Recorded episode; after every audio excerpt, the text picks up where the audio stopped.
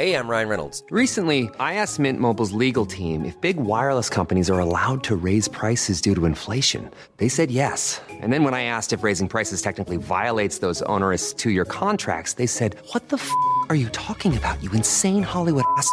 F- So to recap, we're cutting the price of Mint Unlimited from $30 a month to just $15 a month. Give it a try at mintmobile.com slash switch. $45 upfront for three months plus taxes and fees. Promo rate for new customers for limited time. Unlimited more than 40 gigabytes per month. Slows. Full terms at mintmobile.com.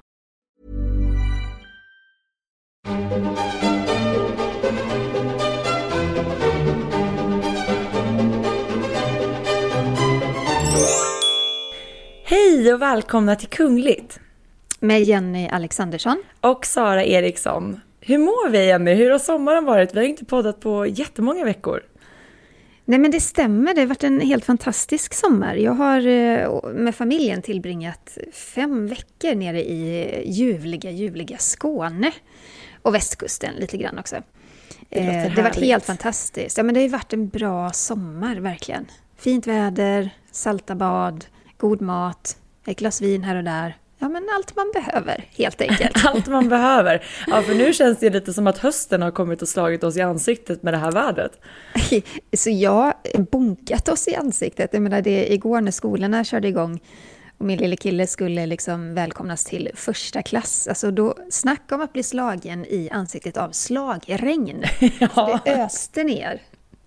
Men hur har du haft det Sara i sommar? Jag har haft det jättebra. Jag har jobbat hela sommaren så att jag har inte haft någon semester faktiskt. Men eh, fördelen har ju varit då att man har kunnat jobba på distans.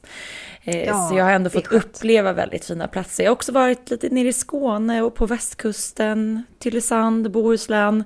Så att jag ska inte klaga. Jag har ändå kunnat njuta av det här fina vädret på luncherna och eftermiddagarna och kvällarna. Så att jag har haft det bra.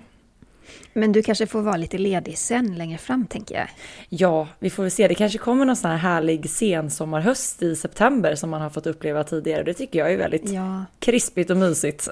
det är mysigt det är det. Ja. Men det har hänt mycket i den kungliga världen också såklart. Det har det gjort. Ehm, och det ska vi prata om i podden.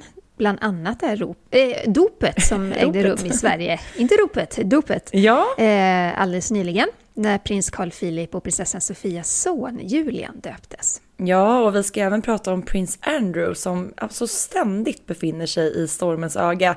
Nu har ju faktiskt en stämningsansökan mot prinsen lämnats in. Vad kommer nu att hända? Och vi ska helt enkelt försöka få reda lite ordning i denna soppa. Ja, och så ska vi såklart ta upp veckans Harry och Meghan. Ingen podd utan Harry och Meghan. Nej. Eh, det är nämligen så att prins Harry han ska skriva en självbiografi. Och det stormas det kring redan kan jag säga. Och så Ja. cirkulerar det rykten om att paret har en önskan om att få döpa sin lilla dotter Lilibet hemma i Storbritannien. Ja, och vi ska även prata om att Megans bror nu ska deltaga... Men, hallå? Deltaga! Du är också på sommarmode, jag känner det, vad skönt, vi är på samma nivå. Vi ska prata om att Megans bror ska delta i Big Brother VIP. Och han har liksom redan nu varit väldigt vass i tungan gentemot Megan. Eh, så att eh, det här är nog bara en liten början av vad som komma skall när då brodern äntrar det här Big Brother-huset. Eh, väldigt speciellt eh, kan man ju minst sagt säga. Vi ska även prata om att Diane och Charles bröllopstårta, ja, ni hörde rätt, bröllopstårta har sålts på auktion till ett galet pris får man väl ändå säga. Men Sara, du har ju gjort en eh, kul spaning i sommar. Ja, men det har jag gjort. Eller jag och jag. En vän till mig såg faktiskt prinsessa Madeleine. Hon är ju som ni vet i Sverige. Och eh, strax efter prins Julians dop så är ju då, vad det verkar, prinsessfamiljen i Stockholm. För att min vän såg då prinsessa Madeleine i butiken på Hotell Diplomat. Eh, där hon handlades kombucha och knäckebröd bland annat iförd svarta Chanel-skor, grå Birkin-väska, en tunn dunjacka och stuprörsjeans. Mm, så hon går liksom och köper lite livsmedel sådär i allmänhet på Hotell Diplomat. Alltså när vi andra går till ICA eller Coop så drar Madeleine till Diplomat helt enkelt. Ja, alltså om man tänker, Hotell Diplomat ligger ju på Strandvägen i Stockholm och precis invid hotellentrén så finns vad de kallar för eh, Hotell Diplomats butik och det är liksom som en ja, men liten butik och kaféet kan man säga. Eh, jag brukar för ibland sitta där och jobba och ta en kaffe. Eh, det är ungefär vad jag har råd med där. Men de har också lite olika matvaror och sådär. Så att där gick hon och handlade loss. Jag tänker att det är ju, det är ju nära där hon bor, eh, i närheten av hovstallet. Så att det kanske faller sig naturligt. Det kanske var en sån här sista minuten-shopping. Ja, vad vet jag? Att eh, någonting fattas här på lunchbordet. Nu drar jag ner till Diplomat och handlar det sista. Exakt, men jag kan ändå gilla att hon går dit och handlar sin, sin mat ändå. Det är en, eh, det är en lite kunglig eh, prinsessvibb på det hela. Verkligen, verkligen. Ja. Men det här var ju precis efter dopet, eller hur? Ja, precis. För lördagen den 14 augusti så döptes ju prins Carl Philips och prinsessa Sofias yngsta barn, prins Julian. Och han döptes i Drottningholms slottskyrka. Och det är alltså det sjätte dopet på Drottningholm på bara sju år. Det är ju bra jobbat kungafamiljen, tänker jag. Ja, verkligen. Det har varit många dop som vi fått följa den senaste tiden. Och eh, både du och jag bevakade ju dopet, Jenny, eh, på Aftonbladet och på TV4. Eh, så att det var full rulle för oss där under eh, dopet. Ja men verkligen, och vi satt ju i varsin eh, tv-studio. Det var ju så här att eh, hovet och kungafamiljen, de följer ju fortfarande myndigheternas ganska strikta riktlinjer kring eller som, som, som gäller nu under coronapandemin. Och då minimerar de ju verkligen platserna i kyrkan och de minimerade platserna för media. Och det, så är det ju, så det ska de ju göra för att eh, skydda oss alla och skydda kungafamiljen och alla som är på plats. Och jag, jag såg ju också att det var inte så många alltså, nyfikna eller turister eller, eller andra som var på plats där. Det, det var en liten folla där de hade samlat ett, ett fåtal människor som fick kika på kungligheterna. Men jag tror också att det var väldigt begränsat just vilka som fick komma nära för att de ville inte ha några stora folksamlingar. Och likaså så märkte vi det från medias sida att det var väldigt begränsat med hur många man fick ha på plats. Vilket också gjorde att det bästa alternativet för oss blev ju att följa det från en studio. Ja, precis. Ja. Men om vi ska börja lite så här, vad, vad har du fått för intryck av det här dopet Jenny? Eh, när det gäller såna här kungliga stora positiva händelser så är ju intrycket ofta att det är, eh, det är typiskt semi-officiellt tillfälle. Det är en det är en, en privat eh, tillställning för att det handlar om familjen. Men eh, i och med att det också är en person som är i tronföljden så blir det officiellt. Och eh, som traditionen ser ut i Sverige så är ju de här dopen officiella och media och människor får vara på plats. Mm. Men liksom, om man ska titta på det mer i, i detalj så, där, så tycker jag att det var ett väldigt eh, personligt och, och fint dop. Och det följer den här traditionen som vi har sett de senaste ja, men nio åren. Man kanske ska räkna bort eh, prinsessan Estelle, för hennes dop var ju lite mer speciellt i och med att hon är tronföljare. Men eh, det följer den här traditionen tycker jag, att eh, eh gäster och kungafamilj tågar in i kyrkan. Det är en, eh, en, en dopgudstjänst som följer Svenska kyrkans ordning och, och sen efteråt så kommer alla gäster, faddrar och eh, huvudpersonen ut och man får se vackra bilder. Mm. Men fanns... Och ditt intryck? Ja, men jag håller med dig Jenny. Det är, så här, det är ju alltid härligt tycker jag när man får eh, ta del av den här typen av kungliga tillställningar. För det är ju det är positivt och, och det är fint och som du säger, man följer eh, tradition men som också möter lite mer personliga val i form av ja, musikval och dekorationer i kyrkan och så vidare. Så att det är alltid lite spännande att se hur de olika paren har valt att utforma sina kungliga dop i den mån det går så att säga, eh, utöver de här ja. traditionerna. För det de kan göra för att sätta sin prägel på det, det är att välja salmer, musik, eh, bibelord, eh, ja, blomsteruppsättningar i kyrkan och färgtema och sådär. Annars så följer det eh, Svenska kyrkans ordning i mm. stort sett. Men det här var ju ändå eh, lite annorlunda. förlåt. Ja, förlåt. Eh, Julian Stop stack ju ändå ut i och med att det här, det blev ju ändå historiskt på grund av att han är det första barnet som nu i den här generationen föddes in i kungafamiljen utan att automatiskt bli en del av kungahuset. Eh, och det är ju ändå lite skillnad om man jämför då med till exempel Julians storebröder, prins, Julia, eller prins Gabriel och prins Alexander, som då eh, när de döptes till exempel var en del av det kungliga huset, eh, vilket nu inte Julian är.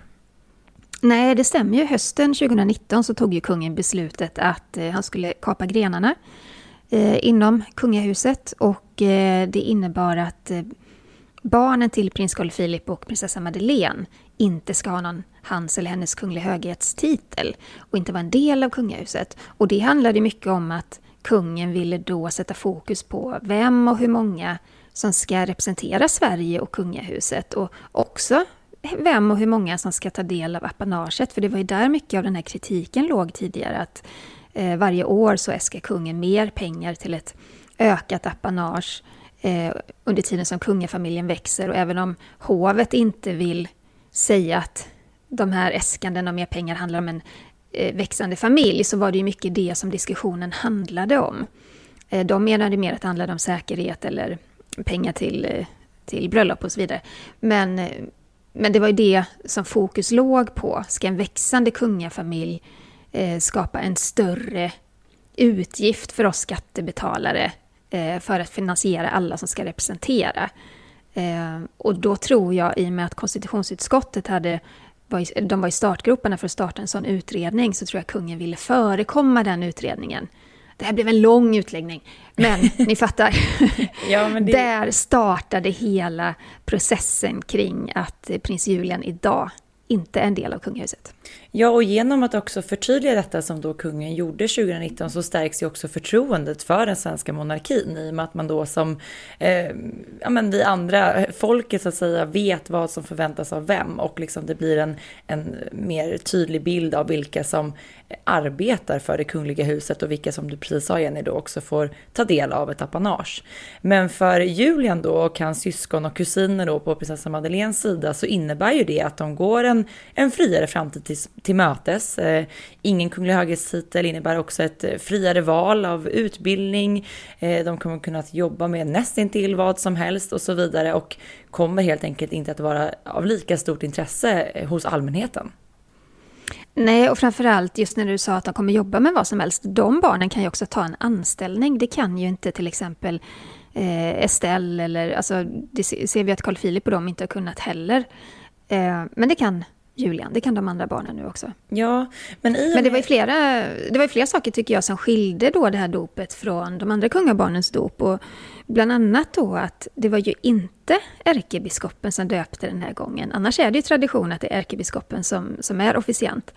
Men istället då så såg vi överhovpredikanten, biskop Johan Dahlman och hovpredikanten Michael Bjerkhagen. Mm, just det. Och en annan sak som stack ut var ju heller att vi, vi såg inga kungliga faddrar hos prins Gabriel. Och det är ändå en, en tradition som man har sett tidigare. Mm.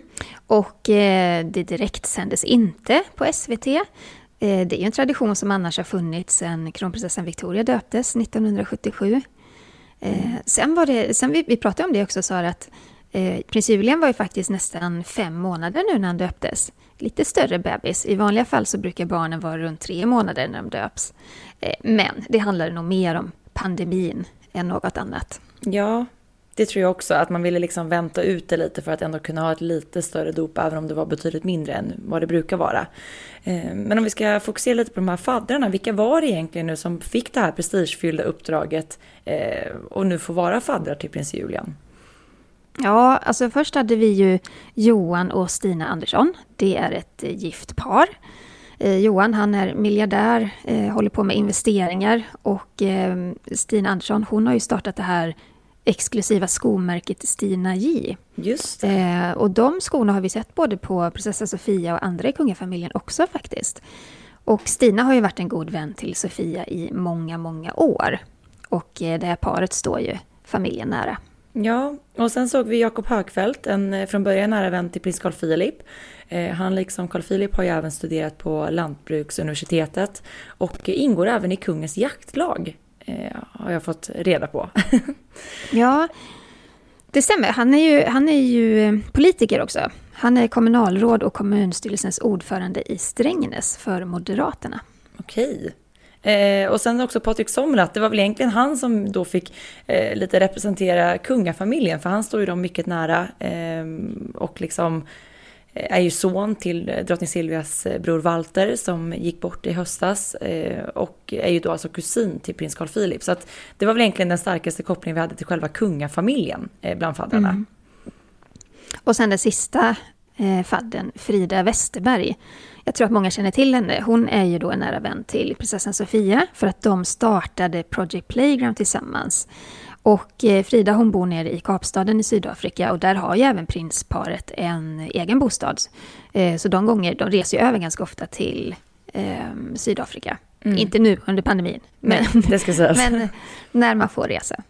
Men en sak som jag funderade på Jenny, det var ju så som vi precis nämnde att Julian fick ju ingen kunglig fadder. Om man kikar på de andra kungabarnen så framförallt då Estelle då, i och med att hon är eh, en del av, av tronföljden så att säga, så har ju hon väldigt många kungliga faddrar och man ser det även hos kusinerna att det i alla fall finns minst en kunglig representant. Eh, men nu har alltså varken Julian eller faktiskt prinsessan Adrienne någon kunglig fadder. Och det jag tänkte på var, tror vi att prinsessan Madeleine visste om kungens planer på att kapa grenar inom familjen när Adrienne döptes redan 2018? Alltså jag tror man får titta först på vad de här faddrarna har för funktion. För förr i tiden, eh, det har funnits faddrar sedan medeltiden, då handlade det ju mer om att eh, det skulle vara en vuxen som kunde ta över föräldraansvaret ifall de riktiga föräldrarna dog i krig eller dog i sjukdom och så vidare. Eh, idag när man kollar på kungliga faddrar eh, så är ju funktionen mer att en kunglig fadder tillsammans med de andra gudmödrarna och gudfädrarna, fe, fe, gudfadrarna, Fadrarna. vad heter det? Gudfäderna? Gudfäder, tror jag det heter. Ja. Eh, då skulle skapa ett starkt nätverk kring de här barnen. För att det finns inga andra än kungligheter själva som vet hur det är att stå i offentligheten, att jobba med det de gör.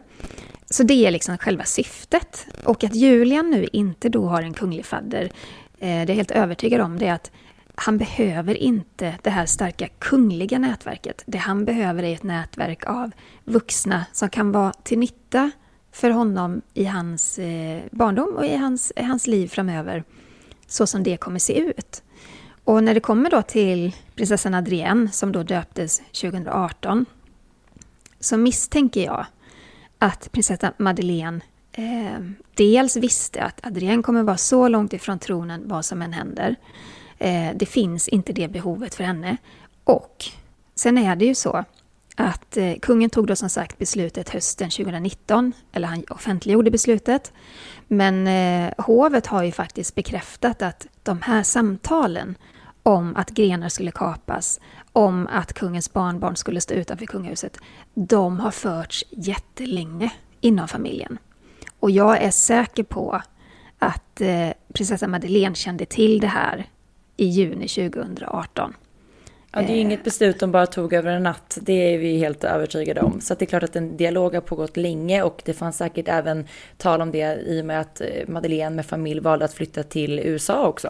Eh, det är klart att det finns, finns med i den inräkningen, att det blir mer accepterat då i och med att barnen inte eh, längre är en del av det kungliga huset. Ja, och den som egentligen mest behöver kungliga faddrar, eller eh, kollegor kan man ju säga, som kan berätta för henne hur världen fungerar för en kunglighet och hur det är i offentligheten, det är prinsessan Estelle. Mm. Hon är ju nio år nu och eh, när man kollar på hennes faddrar så är det ju giganter där. Det är ja, ju kung Wilhelm, kung Wilhelm Alexander av Nederländerna, jättebra. Eh, prins Carl Philip, kronprins Håkon av Norge, han ska ju också bli kung. Eh, Mary av Danmark kommer ju också bli drottning en dag. Och sen eh, en ur familjen då, Anna Westling. Ja. Så att eh, det finns ett starkt Där kan du få många bra tips och tricks inför att äntra den kungliga rollen. Eh, Verkligen. Men i och med, en annan sak som man tänkte på just kring Julians dop och som också tydliggör lite att han inte längre är en del av det kungliga huset och det officiella Sverige på det sättet. Eh, det var ju att det var tydligt fokus på just vänner och familj vid, som närvarade vid dopet och inte lika stora delar av det officiella Sverige. Exempelvis så såg vi ju inte statsminister Stefan Löfven på plats. Istället så var det då justitieminister Morgan Johansson som fick representera då. Eh, och det är väl också en ganska tydlig markering, eller? Ja, alltså nu vet vi ju inte varför Stefan Löfven inte kunde komma, om han hade andra åtaganden eller om det var något som, som gjorde att han inte kunde finnas på plats. Eh, men det spelar ingen roll, alltså jag tycker nog Morgan Johansson representerade regeringen bra där ändå. Absolut. Men, men, det är klart att det ger en signal om att det inte är lika hög status på, på det här dopet. Och sen också var det såklart, de fick ju slimma ner gästlistan. Vad var det, 83 gäster vi såg vid det här dopet. Eh, och vanligtvis får, får det plats ungefär 160 personer i kyrkan. Så det är klart man mm. fick, man fick liksom anpassa efter situationen helt enkelt. Eh, men som sagt... Vi fick ju någon, vi fick ju någon så här läsarfråga, eller tittarfråga också om att eh, Eh, någon som undrade varför läkarna ifrån sjukhuset var bjudna på det här dopet. Kan inte du berätta det Sara? Ja men det är ju ingenting nytt för prins Julians dop utan det är vanligt att de som närvarat vid eh, det kungliga barnets födsel blir också inbjudna till, till dopet. Eh, men just varför det blev en sån stor grej den här gången vet jag inte men jag har också fått jättemånga frågor om det men det är helt enkelt ingenting som är unikt för prins Julians dop och det finns ju såklart en väldigt fin gest i det. De har varit med när det här barnet kom till världen och då får de också vara med vid barnets dop. Mm. Mm. Vi måste, så här, även om det, det är lite ytligt, men vi måste ju faktiskt också prata lite om kläderna vid dopet. Ja, det måste vi göra. Ja. Det, är ändå, det är ändå lite så här ögongodis att få se alla de här tjusiga klänningarna och nu igen. Vi hade längtat efter, efter det. Efter ett och ett halvt år. Exakt. Det var liksom en hype liksom, kring det här, för man har inte sett kungligheterna i offentligheten på det sättet, som du säger, på ett och ett halvt år. Och nu var mm. de då samlade och det är klart att man hade ett litet extra öga på vad de valde att bära den här dagen till ära. Vad hade Sofia på sig? Ja, men jag vill bara börja blicka tillbaka lite då om vi tänker när prins Gabriel döptes eh, så bar ju Sofia en älvdalsdräkt vilket blev väldigt hyllat världen över.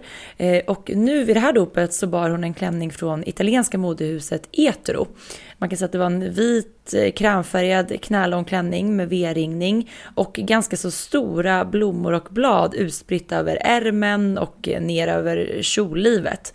Och jag tyckte liksom att blommornas färg på den här klänningen och liksom blommornas design eller vad man ska kalla det påminde lite om och skulle kunna vara tagna ur någon typ av Sverigedräkt, lite Älvdalskänsla kanske.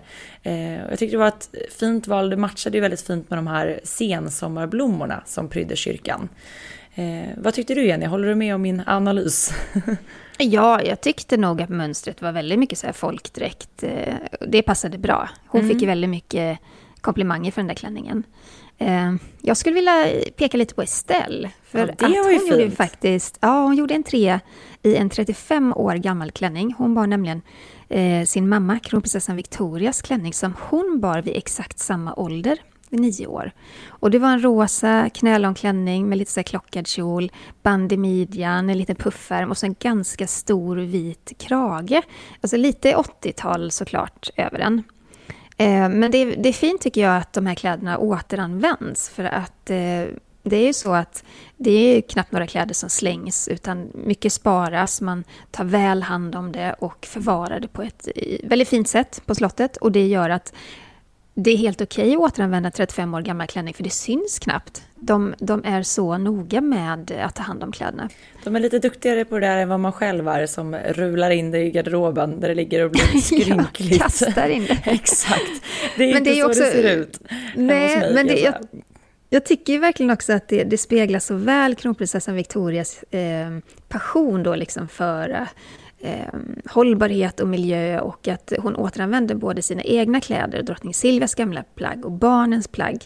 Det är en väldigt stark signal om hur viktigt det är för kronprinsessan att vara en förebild när det gäller hållbarhet. Ja, och det var ju inte länge sedan vi såg eh, att Estelle bar en klänning efter Victoria för att vid eh, kronprinsessans födelsedagsfirande den 14 juli i somras så bar ju Estelle en annan klänning efter kronprinsessan. En eh, blå klänning med också en ganska så stor, lite så 80-tals spetskrage som faktiskt kronprinsessan själv bar på sin nioårsdag. Så utöver den här, eh, som du säger, är att det är eh, fint att spegla just det här eh, vikten av att vi ska återanvända kläder och tänka liksom långsiktigt med det vi bär, så finns det också den här just att, att kläderna bärs ungefär vid samma tidpunkt och ålder och ja, men det blir, det är en fin röd tråd genom det hela. Men Sara, vilken var din favorit under den här dagen? Ja, men jag, det går inte att rösta på någon annan än prinsessa Madeleine tycker jag. Hon var ju en ljusblå klänning med ett vackert liv av lite så volanger, en lång ärm, det var, den var lite skir, det var mönstrat i olika blåa toner. Eh, och den här klänningen kommer ju då från det australienska modehuset eh, Zimmermann. Och det är ju en favorit hos prinsessa Madeleine, det är inte första gången vi ser henne bära en klänning därifrån. Vad, Nej, vad känner var... du Jenny? Nej, men jag tänker helt samma. Den var jätte, jättefin. Och sen var det lite tur för henne att, att kjolen ändå var något mer slimmad. Eh, därför att det blåste enormt mycket ute vid Drottningholm. Det var riktiga så här eh, stormvindar nästan. Och eh, många av de andra kvinnorna, de hade lite problem med sina kjolar. Ja. Eh, de har inte lärt sig knepet från eh, Kate, eh, hertiginnan av Cambridge, för att hon brukar ju sy in små tyngder i sin foll så att kjolen håller sig nere. Och det är ju ett gammalt knep ifrån drottning Elisabeth, så gjorde man ju mycket på 50-talet när kvinnor bar mer klänningar och kjolar. Eh, det kanske kan vara någonting, ett tips för många av de här gästerna. För att det var, och det var en tjej, jag, jag tyckte lite synd om henne, men hon gjorde verkligen en Marilyn Monroe i stort sett. Att hela kjolen så här flög upp inför fotograferna. Men faktum är, eh, det är ju ingen som tar bilder vid ett sånt tillfälle, utan man verkligen så här visar respekt för, för alla. Ja men det var inte dåliga vindar. Jag skulle göra en eh, tv-inspelning efter studion eh, utomhus och jag hade hår överallt förutom där det ska ligga kan jag säga. Det var liksom all over the place och man såg ju också det hos gästerna vid dopet att hattar höll på att flyga av, eh, håret liksom i ansiktet. Sofia, prinsessa Sofia bar ju en stor vit rosett kan man ju säga bak till i håruppsättningen och den var också lite på väg bort där ett tag innan de gick till lunchen på slottet. Jag tror många kanske ställde sig innanför portarna in, innan lunchen och bara så här rätta till lite kläder och hår och grejer. La slingorna till rätta. Ja, precis. Ska vi lämna dopet och Sverige och blicka utåt? Eh, Storbritannien måste vi ju kika lite närmare på. Det finns ju alltid någonting att prata om där. Åh herregud, att det gör. Eh, vi måste hoppa rakt in på prins Andrew. För han tycks aldrig bli kvitt de här anklagelserna om sexbrott. Eh, tidigare i augusti så lämnade Virginia Roberts in en stämningsansökan mot prins Andrew i en domstol i New York. Hon anklagar honom för våldtäkt och sexuella övergrepp när hon var minderårig. Och bara för att klargöra vilka de här personerna är. Prins Andrew vet ni ju, han är ju en av drottning Elizabeths söner. Eh, Virginia Roberts, hon är ett av Jeffrey Epsteins offer.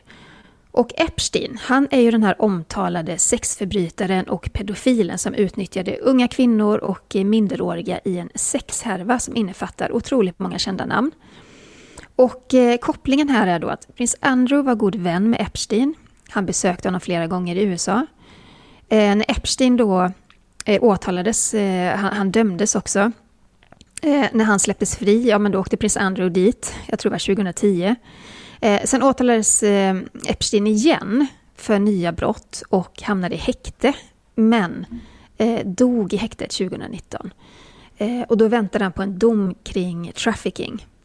Men den här rättsprocessen har liksom snurrat vidare nu och då är det främst mot Epsteins eh, allra bästa vän, eh, Ghislaine Maxwell heter hon. En, jag tror hon är typ i 50-årsåldern nu, men hon, hon har då liksom, påstås, påstås det, hjälpt honom med att hitta unga kvinnor och minderåriga. Förlåt mig. Jag är lite ruschlig idag. Vi alla är lite ringrostiga efter sommaren. Eh, Men Virginia Roberts då hävdar ju att hon tvingades ha sex med prins Andrew när hon var 17 år gammal. Prinsen har ju förnekat detta och ställer till och med upp på en intervju i BBC 2019 där han bestämt förnekade anklagelserna och vi alla minns ju den här intervjun, den var ju katastrofal, vi har pratat om den så många gånger här i podden. Eh, han sa då att han inte ens hade träffat henne och eh, intervjun var ju en flopp. Det var uppenbarliga lögner från prinsens sida. Eh, jag tror vi alla som följer den kungliga världen har sett bilden på eh, Virginia och Andrew tillsammans. Så att det, de har ju uppenbarligen Ja. träffats. Ja men det har de ju. Han står liksom med armen runt hennes midja och står liksom och ler in mot kameran. Och bredvid eh, prins Andrew och eh, Virginia så står även då Ghislaine eh, Maxwell. Så att eh, det är klart de har träffats. Så det är är det de har träffats. Och utredarna då i det här målet kring Epstein och Maxwell har velat förhöra prins Andrew.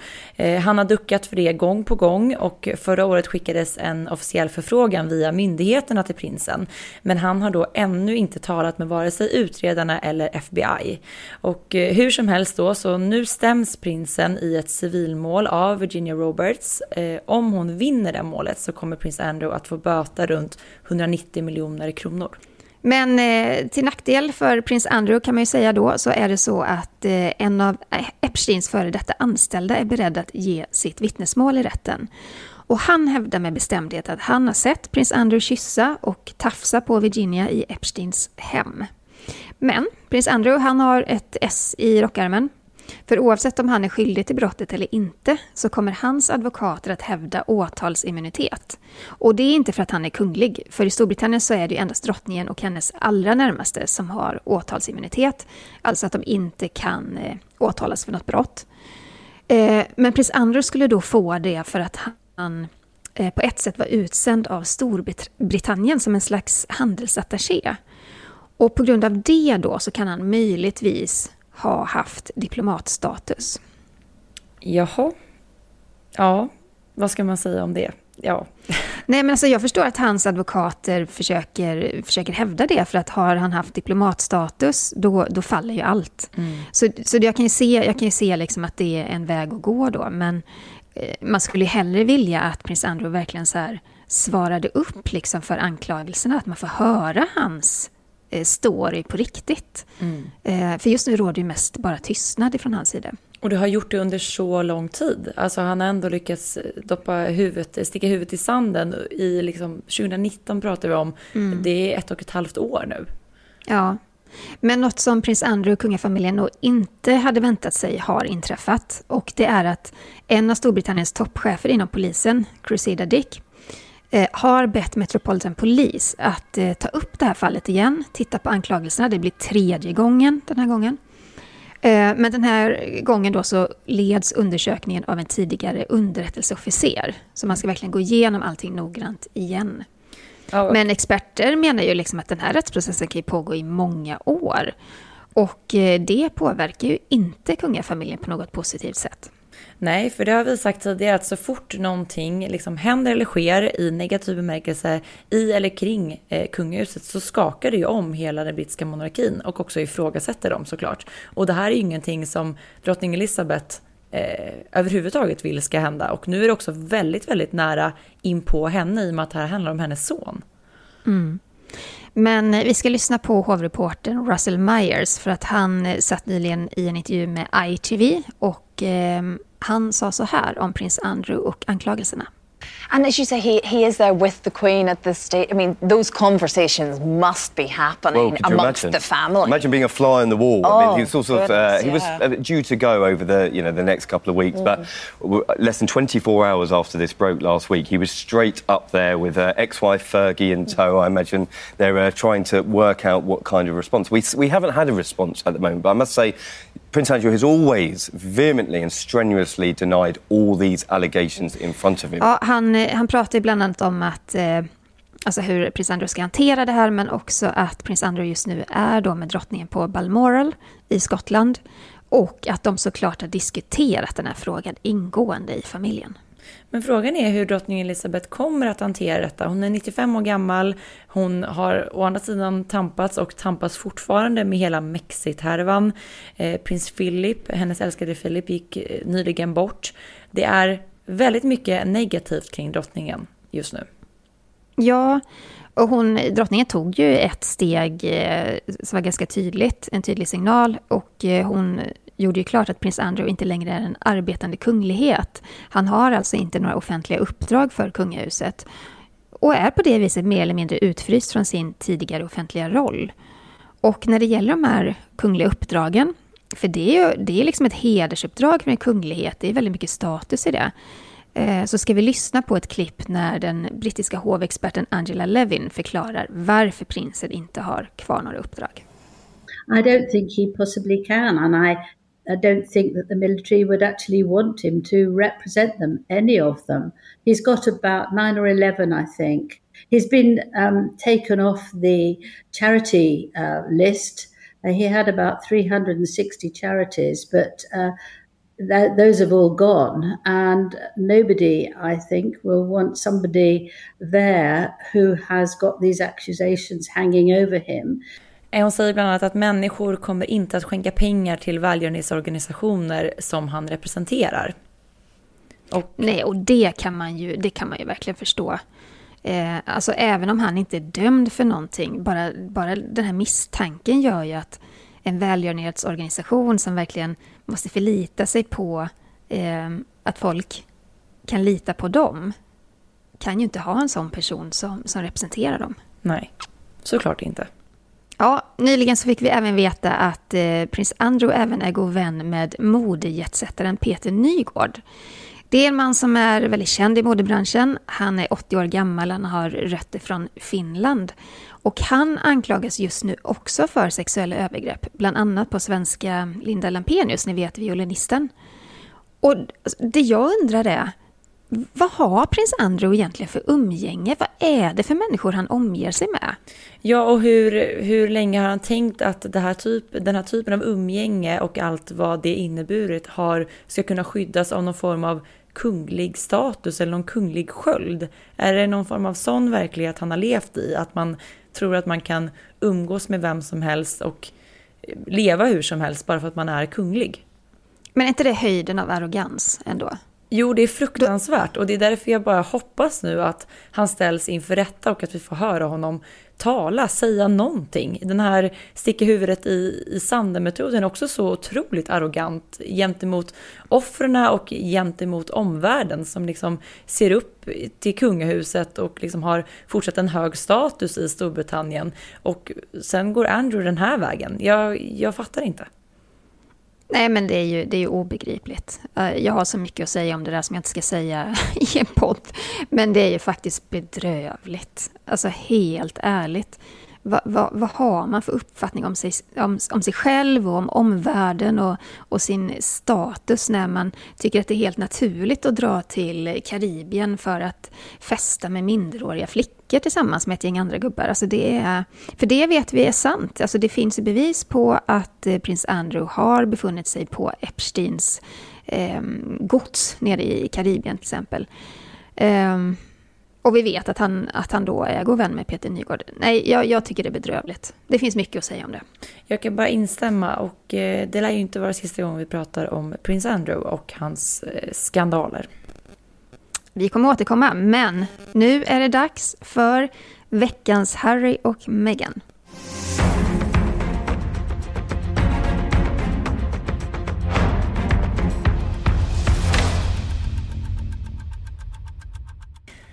Och senaste nytt är då att prins Harry ska skriva en biografi eh, som då planeras att släppas i slutet av nästa år. Och eh, enligt bokförlaget då eh, Penguin Random House har Harry lovat att berätta allt om sitt liv och den, ge den liksom definitiva redogörelsen. Eh, boken kommer alltså att handla om hans liv, uppväxten bakom de kungliga väggarna och hans syn på hela Mexit, hur den faktiskt har gått till. Ja, enligt BBC så ska en eh, av Harrys talespersoner eh, ha sagt till eller har sagt att familjen inte kommer att få godkänna innehållet innan publicering, så att den står alltså helt fristående ifrån eh, kungafamiljen. Och i ett pressmeddelande så uttalar sig Harry så här. Min önskan är att få berätta min historia om eh, topparna, dalarna, misstagen och lärdomarna. Jag vill visa att oavsett var vi kommer ifrån så har vi mer gemensamt än vi tror. Och redan nu så har ju också Harry sagt att intäkterna från den här boken kommer liksom alltihopa gå till välgörenhet. Eh, vad tror vi om det här, Jenny? Nej, men det här är katastrof. Det är verkligen så här att det räckte inte med en stor avslöjande intervju med Oprah Winfrey. Det räckte inte med att sitta i poddar och prata om, om sin familj. Eh, det räckte inte med att göra en tv-serie på Netflix om mental ohälsa och göra massa avslöjanden om kungafamiljen. Nu ska Harry även skriva en bok och jag kan lova att det är klart att det kommer komma avslöjanden där också. Och jag tror, precis som många av de här brittiska hovreportrarna, att när ska kungafamiljen få nog? Alltså de sitter ju i en sån himla svår sits också, för om de då skulle gå hårt åt mot eh, prins Harry, så blir det ett bakslag det också mot kungafamiljen, för det kommer, kommer komma så mycket kritik. Så de får helt vackert sitta i båten, bara vänta in den här avslöjande boken och sen hantera och släcka eldar bäst de kan. Så de är ju lite bakbundna i det här. Ja, verkligen. Men jag tänker med, med tanke på hur öppna paret var i intervjun hos Opera kan vi bara tänka sig att vi kommer se en lika, likadan öppenhet i den här boken. Eh, och redan nu ligger man i ribban för att den kommer vara väldigt detaljerad. Och i och med att man också redan nu presenterar att kungafamiljen inte kommer att få läsa den innan publicering så kan man ju tänka sig att den också kommer att innehålla detaljer som kungafamiljen allra helst inte vill blir offentliga. Mm. Och så ska man ju säga att det här är ju då Harry och Megans syn på saken. Det får man inte glömma. En sån här bok är inte den totala eh, bilden av vad som händer, utan det är från deras synvinkel. Mm. Men kungafamiljen, drottning Elisabeth, kan ju inte sitta och skriva en, en bok om vad som har hänt. Därför att det, det gör hon bara inte. Nej men det tillhör ju den kungliga kutymen att man inte gör det. Så är det ju bara. Alltså, mm. man, man, går inte den vägen. Men den vägen väljer nu Harry att gå. Och eh, vi kan ju redan nu konstatera att vi med många kommer ju såklart att lusläsa den här boken så fort den släpps. Eh, och trots då den här sprickan som finns mellan Harry och Meghan och familjen och framförallt mellan bröderna Harry och William så sågs ju faktiskt de i somras i samband med att statyn av deras mamma Diana avtäcktes den dagen hon skulle ha fyllt 60 år. Eh, och då såg vi William och Harry tillsammans och eh, där och då såg det ju inte ut som att det var någon någon dålig stämning eh, mellan dem. Men man hade gärna velat vara en fluga på väggen i det här sammanhanget. Eh, men i samband med då att Harry återvände till Storbritannien så var det Daily Mail som avslöjade att Harry och Meghan önskar att deras dotter Lilibet ska döpas i Storbritannien och då med drottning Elizabeths närvaro och allra helst i Windsor, likt storbror Archie gjorde. Eh, vad tror vi om detta? Eh, hur ska det tas emot av britterna? Eh, jag menar, Lilibet är ju trots allt har intagit nummer plats i den, eh, åtta i den brittiska tronföljden. Eh, tror du det här bara är rykten eller finns det någon sanning i det? Alltså jag tror mycket att det är rykten i och för sig. För att de befinner sig i Los Angeles. Och, eh, skulle det visa sig vara sant så har britterna inte så mycket att säga till om. För att det handlar ändå alltid om att drottning Elizabeth får ta det beslutet. Eh, och vi såg ju på dopet av eh, storebror Archie att det var ändå inte offentligt. Det kom ju knappt någon bild därifrån överhuvudtaget. Och de stängde ju dörrarna liksom till offentligheten. det var ju portade, absolut. Mm. Mm. Så eh, jag tror att eh, oavsett om det är ett rykte eller om, om det verkligen blir så, kommer vi inte få se så mycket av det ändå. Och jag har faktiskt svårt att tänka mig efter allt det här som har varit, alla de här faktiskt grova anklagelserna mot kungahuset, eh, sanna eller inte, eh, den sprickan är så djup, så om det blir ett dop i Windsor, eh, då kommer det vara ett väldigt stelt dop. Mm. Det är ingen familjär stämning kan man ju tänka sig. Nej. Nej. Eh, apropå Meghan då, så eh, vet vi ju sedan tidigare att hennes familj inte har varit nådiga gentemot henne. De har inte varit rädda för att tala ut i media. Och eh, som lite pricken över i nu då så ska ju Megans bror vara med i Big Brother VIP Australien.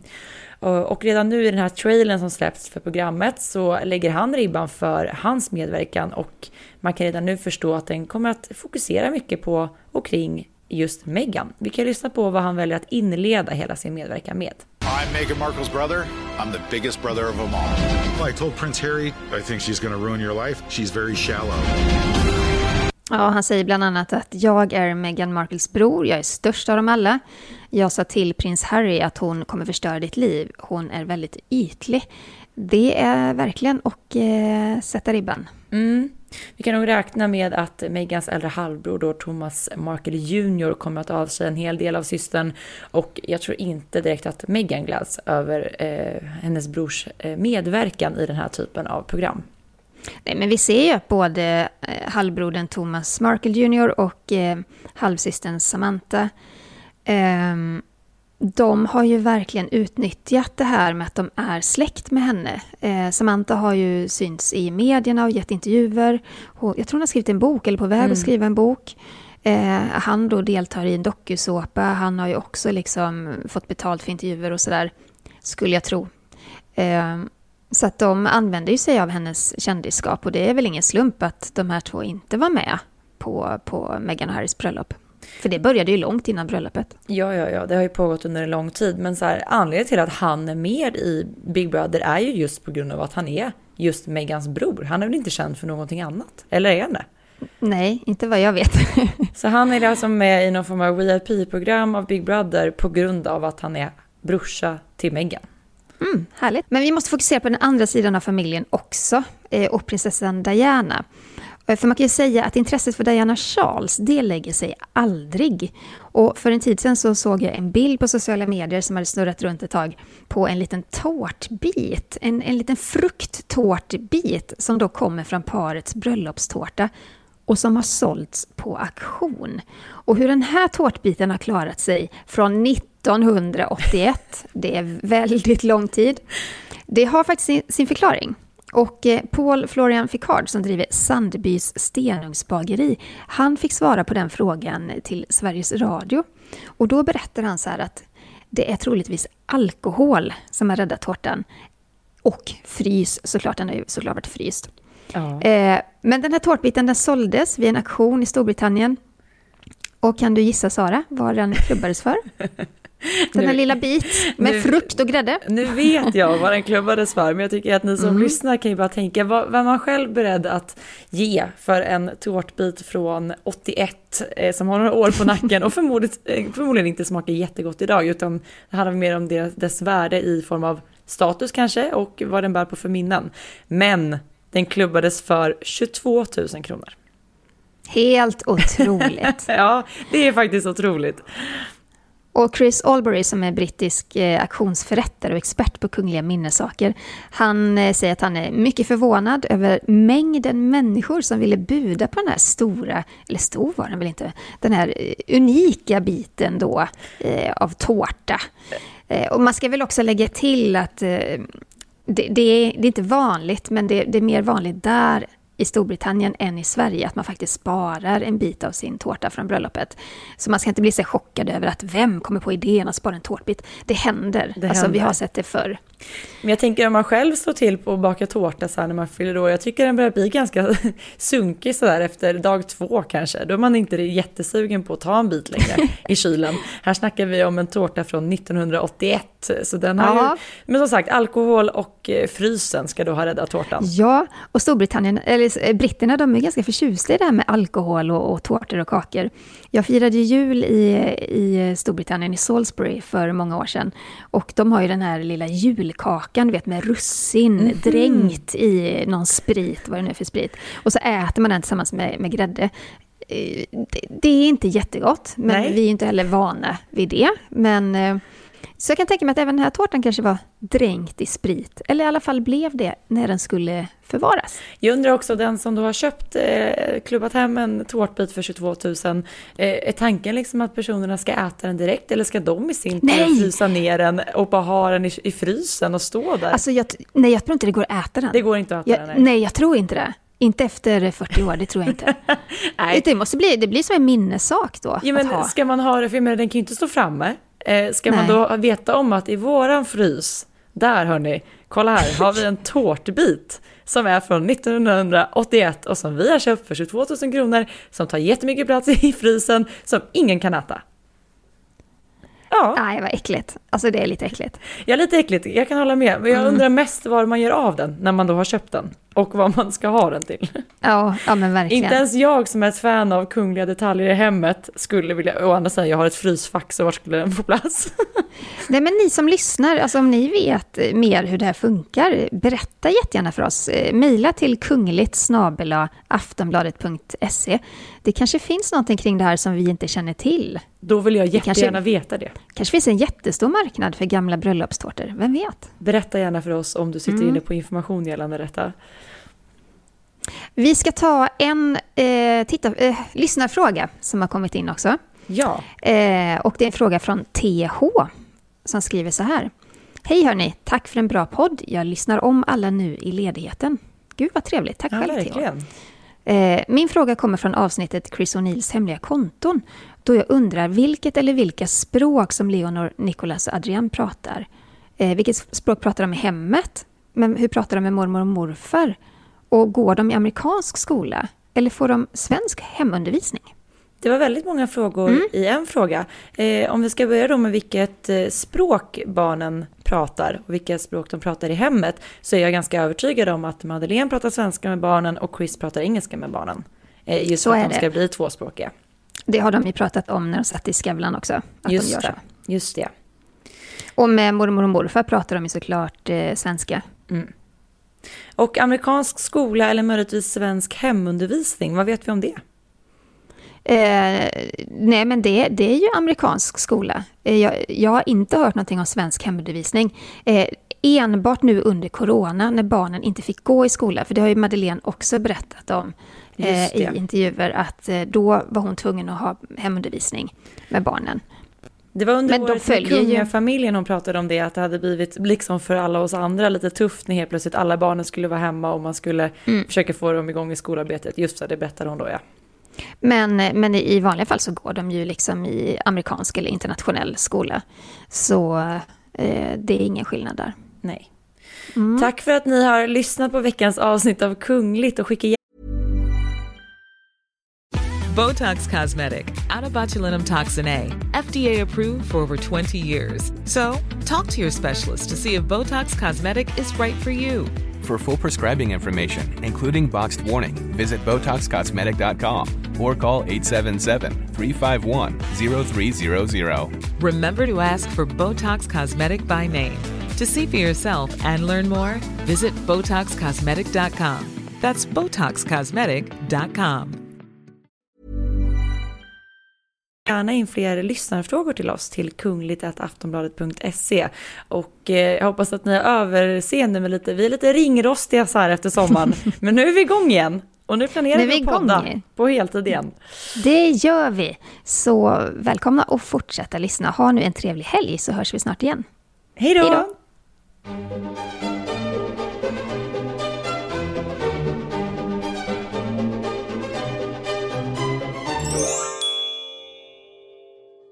Du har lyssnat på en podcast från Aftonbladet.